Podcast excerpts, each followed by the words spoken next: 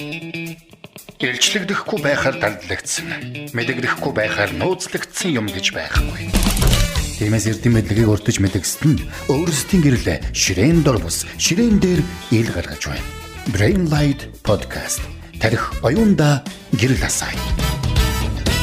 Сайн байна уу энэ өдрийн мэндийг хүргэе. Гэр бүлийн радио 104.5-ын Brand Light podcast эхлэхэд бэлэн болсон байна. За Brand Light podcast нь эдийн засгчдын клубтэй хамтран иргэдэд эдийн засгийн мэдлэг анх шатны мэдлэг олгох зорилготойгоор хүрдэг байгаа. За тэгэхээр өнөөдөр бол эдийн засгийн клубын гишүүн эдийн засагч Бодрагч Аярч төсөв ба төсвийн бодлого гэсэн сэдвийг бидэрт ярьж танилцуулах гэж байна. За тэгэхээр өдрийн мэндийг хүргэе. Өдрийн мэндийг хүргэе. Танд болон энэ хүү подкастыг сонсож байгаа нийт сонсогчдод бас энэ өдрийн мэндийг хүргье. За тэгэхээр нэгт улсын төсөв, төсвийн бодлого. А энэ бол макро эдийн засгийн түвшинд бол энийг бол ярина тийм ээ. За өрхийн болоод одоо байгуулгын одоо эдийн засгийн талаар ярихгүй гэж, төсвийн талаар ярихгүй гэж. За тэгэхээр хамгийн ихний байдал бол энгийнээр одоо улсын төсвийг тийм энгийнээр бидэрт нэг тайлбарлаж өгөөч. Төсвийг яг юу юу бүрдүүлдэг юм? За тэг. За нэгдүгээрт төсөвгээд ярихаар хүмүүст мэдээж их тийм танил ойр санагдаж магадгүй. Тэр нь юу гэхээр түрүүний таны хэлсэнчлэн таны хэлсэнчлэн зөвхөн улсын төсөв гэлтгүү бас санхүүгийн байгууллагын аливаа нэгэн ямар нэгэн гэр бүлийн өрхийн төсөв гэж байдаг. Тийм учраас ер нь хүмүүсийн амьдралд нэлээд их төсөв гэсэн нэршилийг хэрэглэгдэг л дээ. А гэхдээ улсын төсөв гэхээр юу юм бэ гэхээр нэгдүгээр маш энгийнээр хүмүүст тайлбарлаж хэлэхэд Энэ бол тухайн улсын эдийн засгийн нийгмийн үйл ажиллагааг хөгжүүлэх зорилготой татвараар дамжуулан төрийн санд хоримтлагдсан нийт орлого эхний ойлголт бол энэ. За дараа нь үн дээр тулгуурлаад тэрхүү нийт орлогыг зарцуулах арга хэмжээ гэж байна. Тэрхүү арга хэмжээ нь одоо юу гэдгийг хүмүүсийн амьдрал, нийгэм эдийн засгийг сайжруулах тэр арга хэмжээнүүд байх гэдэг нь шүү дээ. Тэр арга хэмжээнүүдийг багтаасан одоо нийт орлого зарлагын тэнцлийг л төсөв гэж ойлгоод байгаа юм л да. Нэг ёсондоо бол эхлээд бол нийт орлого гэсэн нэг санаа яваад байна. Дараа нь орлого зарлагын тэнцэл гэсэн нэг юм санаа яваад байна. Үнийг л одоо энгийнээр бид нар төсөв гэж ойлгож болно л доо. За төсөв ярьж байгаа тохиолдолд ялангуяа энэ макро эдийн засгийн төсөв ярьж байгаа тохиолдолд улсын нэгдсэн төсөв гэж юм байна. Тустай ойлголт байна. Энэ улсын нэгдсэн төсөв нь яадаг вэ гэхээр тухайн улсын бүх төсвүүдийн нийлбэр гэж ойлгож болно гэсэн үг. Манай улсын хувьд бол манай улсын нэгдсэн төсөв бол дөрвөн төсвөөс бүрддэг. Тэдгээр нь юу вэ гэхээр нэгдүгээрт улсын төсөв. Хоёрдугаарт орон нутгийн төсөв. Гуравдугаарт нийгмийн даатгалын сангийн төсөв. Дөрөвдүгээрт эрүүл мэндийн даатгалын сангийн төсөв гэд ийм дөрвөн төсвөөс манай улсын нэгдсэн төсөв бүрддэг гэж ойлгож болно гэсэн үг. За эдгээр дөрвөн төсвийг тус бүрд нь бас товчхон тайлбарлаад танилцуулаад явах зүйтэй гэж бодож байна. За эхний төсөв болох улсын төсөв гэж байна. Улсын төсөв бол улсын нэгдсэн төсвийн 80 гаруй хувийг бүрдүүлдэг. За энэ улсын төсвийг ерөнхий захиран зарцуулагчд нь бол Монгол улсын ерөнхийлөгч, улсын хурал, засгийн газар, холбогдох яамт хамгийн газар агентлагууд бол энэ улсын төсвийг зарцуулдаг гэсэн үг. Захиран зарцуулдаг гэсэн үг. Дараагийн орон нутгийн төсөв. Энэ орон нутгийн төсвийг бол аймаг, сум, нийслэл, дүүргийн захирагчид захиран зарцуулдаг гэсэн. За дараагийн төсөв болох нийгмийн даатгалын сангийн төсөв. За энэ нийгмийн даатгалын сангийн төсөв бол за бид нар бол одоо сар бүр ажил олгогчид ажиллагчид цалингаасаа нийгмийн даатгалын шимтгэлгээ төлдөг шүү дээ. За тэрүүгээр ерөнхий гол орлогын үсвэр нь болж хоримлогддог. За мөн шаардлагатай тохиолдолд усаас тодорхой хэмжээний санхүүжилт гараад ийм төсөв бүрддэг байх нэ. За эрүүл мэндийн даатгалын сангийн төсөв бол ойлгомжтой. Бид нар бас сар бүр цалингаас эрүүл мэндийн даатгалын шимтгэлгээл төлдөг шүү дээ. Түүгээр бүрддэг ийм төсөв гэсэн. За ингээд ийм дөрвөн төсөв байна да. Улсын нэгдсэн төсвийн хувьд. За тэгэхээр улсын нэгдсэн төсвийг одоо энэ дөрөв одоо бүрдүүлдэг юм байна. За тэнгууд энэ орлого гэж юм явж штэ тий. Орлого гэдэг нь одоо энэ төсөв одоо ингээд зайшгүй ингээ өгдөг нийгмийн даатгал эрүүл мэндийн одоо даатгалын одоо бидний бол зайшгүй ингээд салингаасаа ингээд өгдөг байгаа тий. За тэгэхээр энэ орлогыг бас бүрдүүлж байгаа ямар бүрэлдэхүүн эсвэл. За тэгье. За орлого гэж ярихаас өмнө бас өмнө нэг зүйл ярьчмаар байна. Улсын нэгдсэн төсөвтэй холбоотой нэг гоё жишээ байдаг л да. Тэр нь юу вэ гэхээр улсын нэгдсэн төсвийг нэг хитвчгээд авч үзэл тэ хэдүүлээ. Тэр хитвч рүү мөнгө орно. Тэр хитвчнээс мөнгө гарна буюу зарцуулагдана. тэр хитвч рүү орж байгаа мөнгийг хэдүүлээ төсвийн орлого бодчих. Аа. Хитвчнээс гарч байгаа мөнгийн төсвийн зарлага бодчих. Мгм. За тэгэхээр тэр төсвийн зарлагт л юу юу бүрддэг юм бэ? Юу юу төсвийн орлогыг бүрдүүлдэг юм бэ гэж асуугаад байна шүү дээ, тийм ээ. За төсвийн орлогыг бол гурван зүйл бүрдүүлнэ. Нэгдүгээрт татварын орлого. Хоёрдугаар татварын бус орлого. За гуравдугаарт тусламж гэдэг ийм гурван зүйл бол төсвийн орлогыг бүрдүүлдэг л дээ. Татварын орлого гэж ярихаар бидний сайн мэдих төрний хэлсэнчлэн за аж ахуйн нэгж байгууллагын эсвэл хувь хүмүүсийн нэмэгдсэн өртгийн албан татвар буюу нөөт гэж бид нар нэлээд байгаа тийм ээ. За тэр мөн одоо хувь хүний орлогын албан татвар, хөрөнгийн татвар, онцгой татвар гэд эднэр бол орлогын татварыг бүрдүүлдэг. Энэ орлогын татвар нь татварын орлого, татварын орлогын цаашлаад төсвийн орлогыг бүрдүүлдэг байж таарах нь байна. За татварын бус орлогот нь юу юу ордог юм бэ гэхлээр төрийн өмчит компаниуд гэдэг нэг хитэн байгууллага байгаа даа шүү дээ тийм ээ. За тэр төрийн өмчит компаниудын ногдол ашигч байдаг юм уу эсвэл түрээсийн төлбөрч байдаг юм уу тэр төрийн өмчит компаниудаас орж ирж байгаа орлого нь өөрөө татварын бус орлого болж байна гэсэн үг. Аа торгуул моргуул энд орох. Орон оронд тий. Ааха. Төрийн өмчт компаниудын одоо гаргаж байгаа одоо тэр бүхэл одоо энэ торгуул моргуул гэдэг зүйлс орлого үүдэж чинь тий. тэр чинь бүгдээрээ татварын бус орлого болоод цаашлаад төсвийн орлогод явдаг байх нэ. Аа. За гуравт нь юу гэлээ сая бас орлого А тусламж аа тусламж. тий. Аа. Одоо энэ чи одоо манай гадаадаас орж ирж янз бүрийн зээл тусламж байдаг юм уу те? Тэд нар нь одоо төсвийн орлогод бас ордог байх нэ гэж ойлгож байна. Аа. За тэгэхээр энэ гурав татварын аа, татварын орлого, аа, татварын бус орлого, тусламжийн гэсэн энэ орлогоор одоо улсын Төсвийн орлого. төсвийн орлого. нийт төсвийн орлого бүрддэг гэж ойлгож байна. За энийг бол захиран зарцуулах хэрэг нь бол мэдээж улсын хурал, засгийн газар, тэгээд а, тэдгээртэй холбоотой яам хамгийн газрууд гэсэн захиран зарцуулах хэрэгтэй байх нэ гэж. За тэгэхээр а яг энэ төсвийн улсын төсвийн талаар одоо мэдлэгээ одоо бид нар сайжруулснаар ямар ашиг тустай юм бэ гэдэг талаар би ер нь бол одоо яг сонсож байгаа сонсогч нартай хэлмээр байна. А төсөв тавих хяналт оролцоо нэмэгдүүлж чадна гэсэн одоо энэ үднээс бид нар ер нь яг энэ төсвийн орлого зарлага те төсвийн бодлогын талаар ер нь бол бас мэдж яах нь иргэд мэдж яах нь ямар ашигтай энэ талаар бас ингээд бас нэмэлт тайлбар өгвөл Мгм.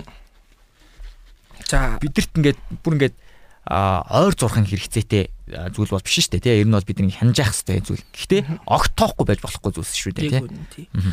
Иргэдийн төсвийн бодлогод хяналт тавих гэхээсээ илүүтэйгээр иргэдийн энэ баталж байгаа төсөвт тавих хяналт гэвэл илүү зүйтэй байх л да. Мгм.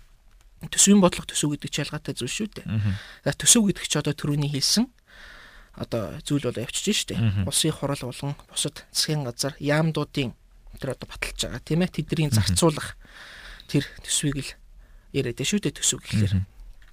За энэ нь бол юу л та? Миний хувьд юу гэж бодож байна вэ гэхэлэр эдгээр чин түрүүний хэлсэнчлэн бидний татварын мөнгөөр тэд нар чин төсөв батлах гэдэг шүү дээ. Бидний татварын цуглуулсан мөнгөөр тэд нар зарцуулж улс орондоо ямар нэгэн хийх чинь гэсэн үг. Тийм учраас одоо та нарын бид бүгдийн одоо тэр мөнгөөр энэ хүмүүс маань манай бодлого боловсруулагчид ямар нэгэн шийдвэр гаргаж үйл ажиллагаа хийж байгаа учраас бид нар нэгдүгürt энэ төсөв яаж хэрхэн явагддаг юм бэ? Ямар ямар зарчмаар явагддгийг хэрхэн зарцуулагддаг ингээд одоо миний өнөөдрийн ярьж байгаа зүйлийг эхлээд ойлгох буюу энэ талаар их сайн мэдлэгтэй болох нь зүйтэй байх л та нэгдүгээр асуудал. Мэдгдлээ болж боловсралтай болж тодорхой хэмжээний ойлголттой болсноор нөгөө хяналт тавих гэдэг зүйл чинь явагдсан шүү дээ. Дарааллын хувьд бол Мгм. тий. А төсвийн хувьд бас нэг зүйлийг бас хэлэх шаардлагатай болоод байна. Тэрний үг гэхэлэр төсвийн хувьд тийм тодорхой шин чанарууд байх хэрэгтэй байдаг аахгүй юу? Жишээлбэл төсөв бол ил тод байх хэрэгтэй, үр ашигтай байх хэрэгтэй, тогтвортой байх хэрэгтэй, сахилэг баттай байх хэрэгтэй гих мэтчлэн ийм шин чанарууд төсөвт зайлшгүй байх хэрэгтэй л дээ.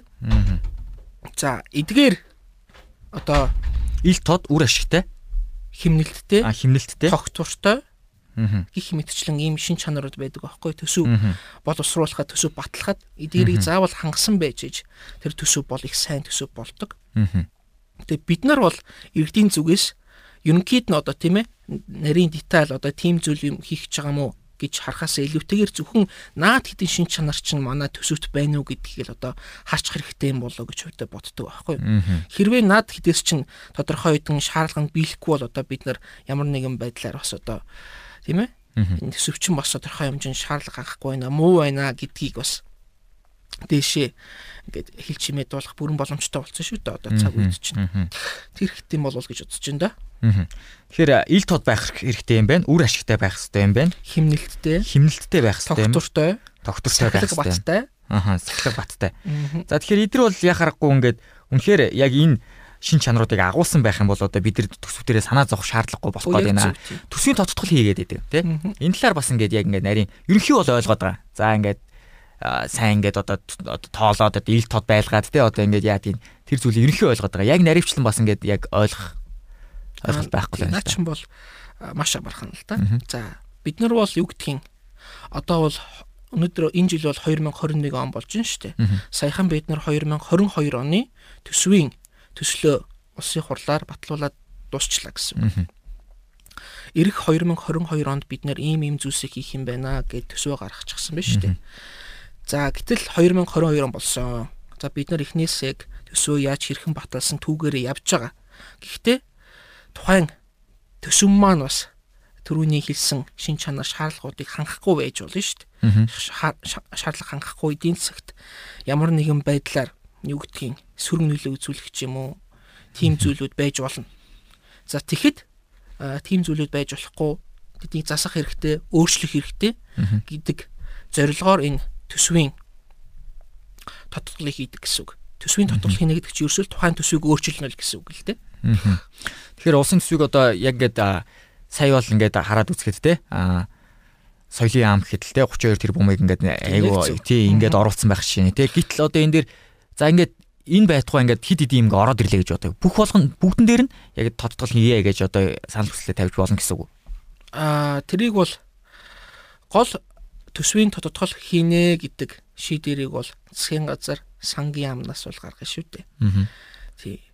Манай сангийн яам тэр сангийн сайд засгийн газар маань яг тэр төсөвт тодтол хийх хэмжээний тийм ямар нэгэн буруу зүйл хийсэн байна уу гэдгийг нарийн сайн хянаж шалгаад тэгэд шаардлагатай шийдвэрийг гаргах баха гэж бодож байна. Тэгэхээр ер нь бол иргэд бол сангийн яамд бол ихний хүсэлтэд бол тавих байна шүү дээ. Энд ч ийм ийм гэдэг ч юм уу нэгдсэн байдлаар. Тэгээ сая бол иргэдийн тэр хяналт шалгалт дээр бол төрөний тэр соёлын яамны богд зонховтой холбоотой төсөв бол яхаарахгүй. Иргэд бас энэ төсөвтөө тодорхой хэмжээний хяналт шалгалт тавьж гинэ гэдгийг нэг жишээ болж ирсэн болоо гэж би тэр үйл явдлыг бол хөвдө дотроо дүгнсэн л дээ.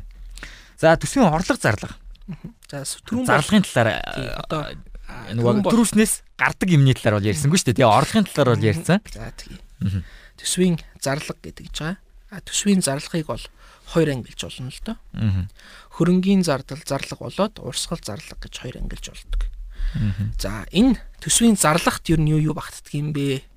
гэд аваад үсэх юм бол ерөөсөө түрүүний хэлсэнчлэн үнэн төсвийн гол зорилго бол ерөөсөө нийгэм эдийн засгаа сайхан хөгжүүлээ дэмжиж гэдэг зорилготой явж байгаа.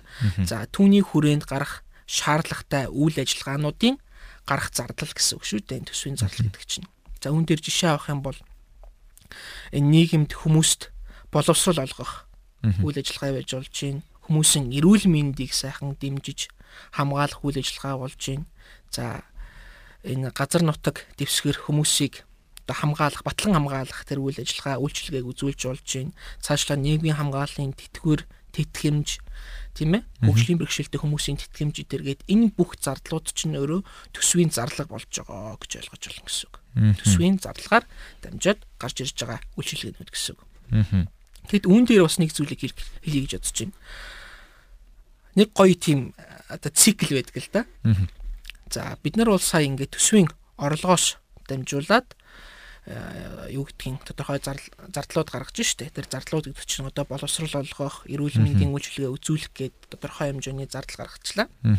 Энэ зардлынхаа хүрээнд төрөөс одоо хүмүүст очиж байгаа нь юу вэ гэхлээр нөгөө цалин тэтгэмж, тэтгэвэр идэрч гээд буцаад төрөөс хүмүүс рүү ингээ мөнгө очиж штэ. За тэр хүмүүст очисон цалин, тэтгэвэр идэр чинь буцаад тэр хүмүүсийн татар болоод буцаад нөгөө төсвийн орлого руу Орлого орж нь. байгаа гэсэн үг. Ерөөсөө нэг ийм тасралтгүй үргэлжлэх ийм цикл донд л бид нэр амьж амьдарч ийн гэсэн үг л дээ. Тэр нөгөө титгэмж гэж байгаад байгаа шүү дээ. Одоо ингээд а тэр нь одоо ямар зарлагтай ороод байна. Зарлага Тий. Одоо энэ за- а, төрөөс л гарч байгаа тий. Ер нь бол төсөөс л гарч байгаа нэг төрлийн зарлага мөн биз дээ. Одоо Тийм тий иргэдэд одоо сая ковидын үед 300 мянган төгрөг ингээд айл бүрх бүр- тарах жишээний тий. Ер нь бол ийм ийм тэтгэмж ихслээ хатгаарлаа гэж яриад байгаа шүү дээ тий. Тэгэхээр энэ яг ямар зарлага нь болоод байна? Ямар тэр зарлага? одоо хөрөнгөний зарлагад орж байгаа. Хөрөнгөний зарлагтай орж ийн гэсэн үг. Тэгээд цаашлаад бас би нэг зүйлийг тодруулж хэлэх хэрэгтэй гэж бодож байна л та. Төсвийн орлого гэдэг юм байна шүү дээ, тийм ээ. Энэ төсвийн орлогот байгаа бүх мөнгө чинь өөрөө төсвийн зарлагыг санхүүжүүлдэггүй л дээ. Аа. А, та сонссон болов ясан бол ирээдүйн өв сан, төсвийг тогтворжуулах сан гэдэг нэг юм хоёр сан байдаг л да. Энэ хоёр сангаас төсвийн орлогоос энэ хоёр сан руу тодорхой хэмжээний одоо орлого очдог гэсэн үг. За очоод тэр үлдсэн төсвийн орлого шүү дээ. Тэр төсвийн орлогоор төсвийн зарлагыг санхүүжүүлдэг гэсэн үг. Тийм. Тэр үлдсэн төсвийн орлогыг бид нар тэнцвэржүүлсэн орлого гэж бас нэрлэдэг л дээ. Тэр хүү чинь бүр ойлгохоо ойлол явчих юм байна те. Бүр олон э, орлого зарлага болоод явчлаа те. Тийм. Гэтэ гол ялгаа нь бол аа, маш энгийнээр хэлэхэд за төсвийн орлого гэдэг юм байна. Энэ төсвийн орлогоос ерөнхийд нэг одоо хоёр сан байдаг юм байна. Тэр хоёр сан руу тэр төсвийн орлогоос нэг жоохон хэсгийг аваачдаг юм байна. Тэр хоёр сан нь болохоор ирээдүйн өв сан төсвийг тогтворжуулах гэдэг юм хоёр сан байдаг байхгүй.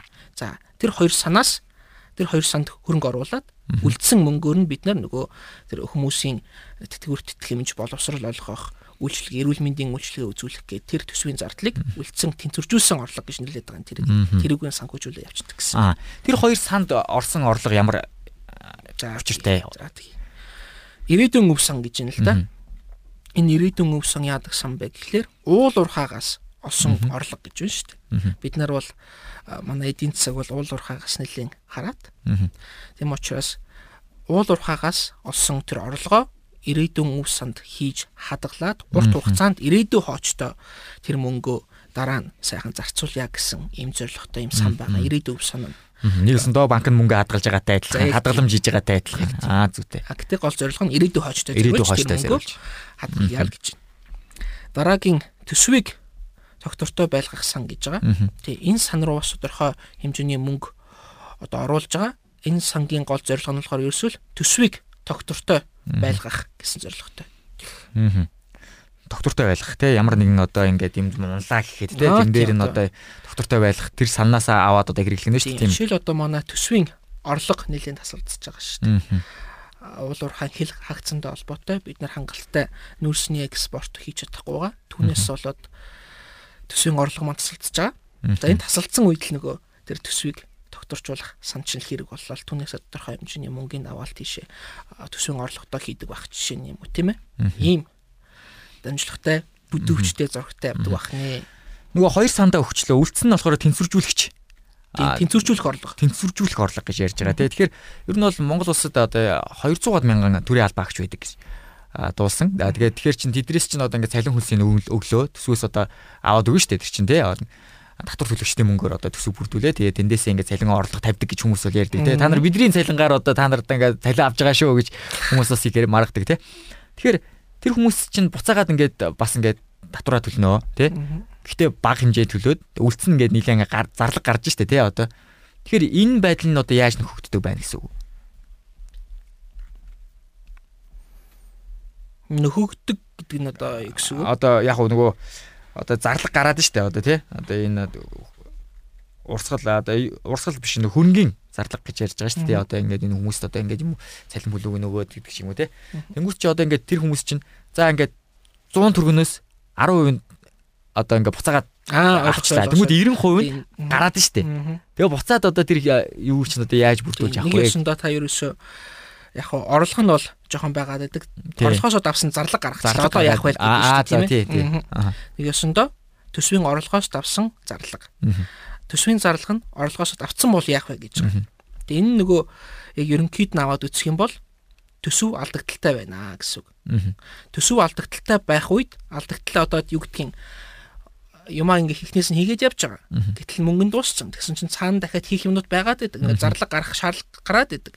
Түүний тулд таанаас мөнгө олох вэ гэхэлэр бид нар үр зээлээр санхүүжиж тэр төсвийн алдагдлаа нөхтгөлдөө. Тэр өөр нь юу вэж болох вэ гэхэлэр засгийн газар боон тусгаж болж гин. Эсвэл ямар нэгэн зээлийн их усүрээр бас тэр тухайн төсвийн алдагдлыг нөхөж олчихно гэсэн. Тэгээ нөгөө хэрэгтэй байгаа мөнгөө зээлээр авцсан одоо тэгээ нөгөө шаардлагатай зарлахуудаа гаргана гэсэн үг шүү дээ. Тэгэхээр ингээд энийг ингээд үр зээлэр ингээд нөхөөл яваад байна. Болохгүй шүү дээ. Чин тийм нэмэгдээл яваад байна гэсэн үг шүү дээ. Зохистой төсвийн бодлого гэдэг нь юу юм бэ? За. Э, зохистой төсвийн бодлого гэдэгт яг ямар төсвийн бодлогыг зохистой төсвийн бодлого гэж нэрлэж байгаа вэ гэхлээр төрийн биос тань хэлсэн шүү дээ. Төсөв бол ийм юм шинжүүтэй байх ёстой гэдэг. Тэдрийг л бүгдийн сайхан багтаацсан төсвийг л зохистой төсвийн бодлого гэж байгаа шүү дээ.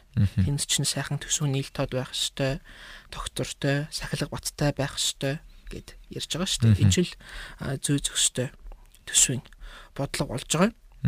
Тэгэд өөрөө энэ дандаа төсвийн алдагдaltaй төсөв батлаад ах чинь өөрөө манай макро эдийн засгийн хувьд ч гэсэн маш эрсдэлтэй зүйл байхгүй юу? Тэгэл эрүүл ухаанаар ботсон ч гэсэн маш их зээлтэй хүнд ямар хүн л одоо зээл өгөх, хөрөнгө оруулалт хийх, мөнгө өгөх үедээ тийм ээ. Тийм учраас ерөөсөн манайх дандаа төсвийн алдагдaltaй төсөв батлах биш. Энэ төсвийн ашигтай л төсөв батлах шаардлага гараад байгаа юм л да. Тийм учраас тэр төсвийн зарлагууд бол түрүүний богд зонхоос гараад маш их үрлэхэн төсөв баталж байна. Энийгээ сайхан хэмнэлтэд төсөв бодлох хэрэгтэй. Үр ашигтай, зөв зохион байгуулалттай, зарилшгүй шаардлагатай энэ төсвийн зардал мөн үү эдэр гэдгээ бүгдийн сайхан л хараад төсөв батлах хэрэгтэй л дээ. Ер нь бол төсвөө ашигтай баталчих юм бол тэгэл ер нь бол манай эдийн засгч гэсэн маш сайхан өсөлт, эерэг зүйлүүд бол зөндөө гарна гэсэн. Сүүлүүд бас нэг ярианаас гараад байгаа штэ. Ер нь бол төсвийнхөө орлогыг бид нар одоо ард түмнээсээ ер нь бол те татвар одоо торгуулаар их бүрдүүлдэг боллоо гэсэн зүйлсүүд бол ярьж байна. Эний чинь л нөгөө одоо одоо те төсвийн одоо юу лээ? Зохистой төсвийн бодлого гэж яриад байна уу те. Ийм зүйлгүйгээр одоо аль талын илүү давуу тал хөгжүүлснээр одоо төсвийн зохистой төсвийн бодлого гэж гарах юм. Өөр одоо бид нар за орлогын хувьд та асууж ах шиг байна тийм ээ. Төрүн бас би зарлагын хувьд бол их тим тим байх юм бол зүг зохистой болох гэдэг ингэж хэлсэн бол одоо орлогын хувьд төсвөө хэрхэн бид нар одоо зүв бүрдүүлвэл энэ маань өөрөө эрг нөлөө авчруулах юм бэ гэд яриад ах юм бол бид нар бас зөндөө хүмүүс энэ хүмүүс зөндөө л ярьдаг л да манай ус төрч гэсэн. Эдийн засгаа солонгоруулъя гэл. Түрүүн хэлсэнчлэн манай эдийн засаг бол уул уурхаагаас маш их хамааралтай болж байна. Энэ уул уурхаагаас хамаат хараат байдлыг бид нар бас өөрчлөх хэрэгтэй байна өөр олон зүйлсээс бид нар орлогоо нэмэгдүүлдэг болох шаардлагатай байгаад байна л та. Тийм. Энэ бол манай нөгөө хөгжлийн бодлоготой энэ холбоотой асуудлууд явчихна тийм. Тэгэхээр энэ чинь бас Монгол улсын нэгдсэн төсөвтэй холбоотой асуудлууд гэдэг байна те. Энтэй холбоотой асуудлуудын яриач. Асуудал гэхээр бас их анхаарал татаад байна л да тий. За нэгдүгээр асуудал бол түрүүний хэлсэнчлэн дандаа алдагдaltaй төсөв бодолж байгаа байдал бол энэ бол нэгдүгээр асуудал. За хоёрдугаар асуудал бол юу вэ гэхлээр За энэ төсөвийг бол хаанаас баталдаг вэ гэхээр манай сангийн амнаас энэ төсөв чинь ихний ээлжинд баталж байгаа шүү дээ. Бид нар бол эх 2022 онд ч юм уу 2023 онд бид нар ийм ийм зүйлсийг хийнэ. За тэхийн тулд эхлээд бид нарт ийм хэмжээний орлого орж ирнэ. Тэрхүү олсон орлогоо бид нар ийм ийм зүйлс зарцуулнаа гэд манай сангийн амныхан мэрэгжилтэй хүмүүс мэрэгжилтэнгүүд эдрийг бол 100% сайхан хийж байгаа. За эхний ээлжин ингээд сангийн амнаас тэр төсвийг төсвийн хуулийг гаргачлаа шүү дээ. За тэрхүү сангийн яамнаас гаргасан төсвийг засгийн газрын хуралдаанаар олж орж баталнаа. Засгийн газрын хуралдаанаар тэр төсвийг өөрчилнө. Өөрчлөлт баталчлаа. Тэгээд тэр засгийн газраас гарсан тэр төсөв маань улсын хурлын байнгын хороонд очиж хилцэгднэ. Тэрүүгээр маш сайхан өөрчилнө. Дахиад сайхан өөрчлөлт явчихсан юм ба шүү дээ. Сайхан өөрчилсөн тэр байнгын хороогоор гараад өөрчилсөн тэр төсөв чинь улсын хурал дээр очиж батлагдана эцсийн үе шатна. Тэн дээр бас сайхан өөрчлөгднө. Тэгээ нэг ёсондоо мэрэгжилтэн хүмүүсийн гаргасан тэр төсөв бидний хэлүүлээ эх жилүүдэд ийм ийм зүйлсийг хийх шаардлагатай шүү гэж гарсан төсвийг бид нар нөгөө улсын хурал эргэлтэн биш хүмүүс нь одоо нэг ясандаа эдийн засгч биш хүмүүс нь одоо тийм ч өөрчлөлт шүү. Өөрчлөлт шүү. Тэгэхээр ч одоо яаж тэр төсөв чинь үр ашигтай, хэмнэлттэй, оновчтой байх юм бэ тийм биз дээ. Нэг ёсондоо товчхоноор бий үүшил гэдэг нь гэхэлэр ерөөсөө улс төрийн нөлөө. Энэ төсөвт маш их байгаа. Энэ нөрөө манай төсвийн асуудал болж байгаа гэдгийг хэлэх гэж байна гэсэн үг л дээ. Энэ ерөөсөө хоёр том алдаг. Нэг нь бол алдагдaltaй төсөв баталж байна тий. Хоёрт нь юу гэх юм бол улс төрийн нөлөө маш их одоо ордгийн байна. Тий сангийн яамнаас гаргасан одоо яг тэр төсвийн дагуу бол батлагдсан байх байх нь шүү дээ тий сангийн яамнаас гарлаа гэж хэлдэг гэтэл наа нь бол хид хидэ одоо дамжлагтайгаар ингээд ороо гараа явчихдаг. Тэнгуү тэн дээр чинь одоо хүмүүстэй жинхэнэ дураараа өөрчилж шүү дээ тий ямар ч мэдлэг байхгүй. Ямар орлогыг нь орж байгааг нь мэдхгүйгээр сайхан нөхдүүд бол өөрчилж тавьдаг байх нь шүү дээ ялангуяа манай 76 гишүүн маань ялангуяа орон нутгийн гишүүд маань өөр өөрсдийнхөө тойрогтл амхандаа нэг юм хийх гэлсээ сайхан өөрчилж байгаа л гэсэн санааг хэлж байгаа байхгүй тухайн тойрогтол бол одоо юу ч хийж ил хамаагүй шаардлагатай дээр хамаагүй л сайхан өөрчлөгдөг байх нь л гэдэг л манай сонсогчд маань сайхан ойлгох хэрэгтэй. За энэ хоёр үндсэн гол асуудлаас болоод түрүүний миний хэлсэн дэр төсвийн төсөв ямар байх шин чанарууд чинь бүгдээрээ тодорхой хэмжээнд алдагдж байгаа л гэсэн үг л дээ. Нэг зүйлийг бас тодруулаад асуумаар байна л да. Түрүүн хэлсэнчлэн те бид нар нэг төрийн албан хаагчтай ер нь бол маргалтахаараа л ярьдаг те. Та нар бидний цалингаар бараг амьдарч байгаа шүү. Нийгмийн даатгалын одоо сангаас орж ирж байгаа төсвүүд эдийн эрүүл мэндийн даатгалаас орж ирж байгаа. Энэ хоёр улсын ер нь хитэн хувийг автын эзэлдэг. Аа төсвийн үү? Тэрүүн хэлсэнчлэн 80%-ийг бол улсын төсөв бүрдүүлж байгаа. За үлдсэн тэр 20 20 орчим хувь л ерөөсөө эрүүл мэндийн даатгалын сангийн төсөв, нийгмийн даатгалын сангийн төсөв, за мөн орон нутгийн сангийн төсөв гэд ийм гурван зүйлэл над 20% чинь бүрдүүлж байна л гэсэн үг л дээ. Аа нэг зүйлийг бас хэлхийн шаардлагатай байна л да. Хоёулаа сая зөндөө олон төсвийн талаар яриад байлаа шүү дээ. Төсөв яаж хэрхэн мөр ашигтай байх юм? Ямар төсвийг маш сайн төсөв гэдгийг гэд тийм үү? Гол үндсэн зүйл болж байгаа төсвийн бодлого гэж юу юм бэ гэдгийг бас энэ сонсогчдоо тайлбарч хэлэх зүйтэй байх гэж бодож байна л да. Төсвийн бодлого гэдэг маань өөрөө юу гэсэн үг гэхээр эрх баригчдын эдийн засгт нөлөөлж болох нэг арга хэрэгсэл гэж ойлгож байна. Хэрхэн яаж нөлөөлдөг юм бэ гэхлээр за засгийн газраас татврын хувь хэмжээ юм уу, татврын төрлийг өөрчлөх, засгийн газрын төсвийн зардлыг өөрчлөх, бүтцийг өөрчлөх гэдэг юм уу. Тийм байдлаар эдийн засгт нөлөөлөхийг л өөрөө төсвийн бодлого гэж байгаа юм л да. Энэ төсвийн бодлого манаас дотроо хоёр хуваагдчихна. За. За төсвийн хомих, төсвийн тэлэх гэдэг. Төсвийн тэлэх бодлого нь яадаг вэ гэхэлэр засгийн газар төсвийн зардлыг нэмэгдүүлээд татвар юм уу халамжийн бодлогыг дэмжих замаар хэрэглээ хөрөнгө оруулалтыг өсгөх буюу нийт үтсийн нүндээ эдийн засгт нийт эрэлт гэсэн ойлголт байдаг л да. Тэр нийт эрэлтийг л нэмэгдүүлэх зам нэмэгдүүлэхийг төсвийн тэлэх бодлого гэж нэрлэж байгаа. За харин эсэргээрээ засгийн газар зардлаа бууруулад тэр нийт эрэлтийг бууруулчих юм бол энэ өөрөө төсвийн хомох бодлого явчихж байгаа. Ерөөсөө тухайн нөхцөл байдалд энэ хоёрын аль нь шаардлагатай байна? Аль нь илүү зөв бодлого болж өгөх юм бэ гэдгийг одоо манай эрх баригчд маань тогтоогоод энэ хоёрын аль нэг нь сайхан хэрэглээд явна л гэсэн. Төсвийн бодлого юм байна. Яг одоогийн байдлаар юу Монгол улс яг аль бодлогын бариад ах шиг байна. Тумайд энэ үү, тэлээд энэ үү те?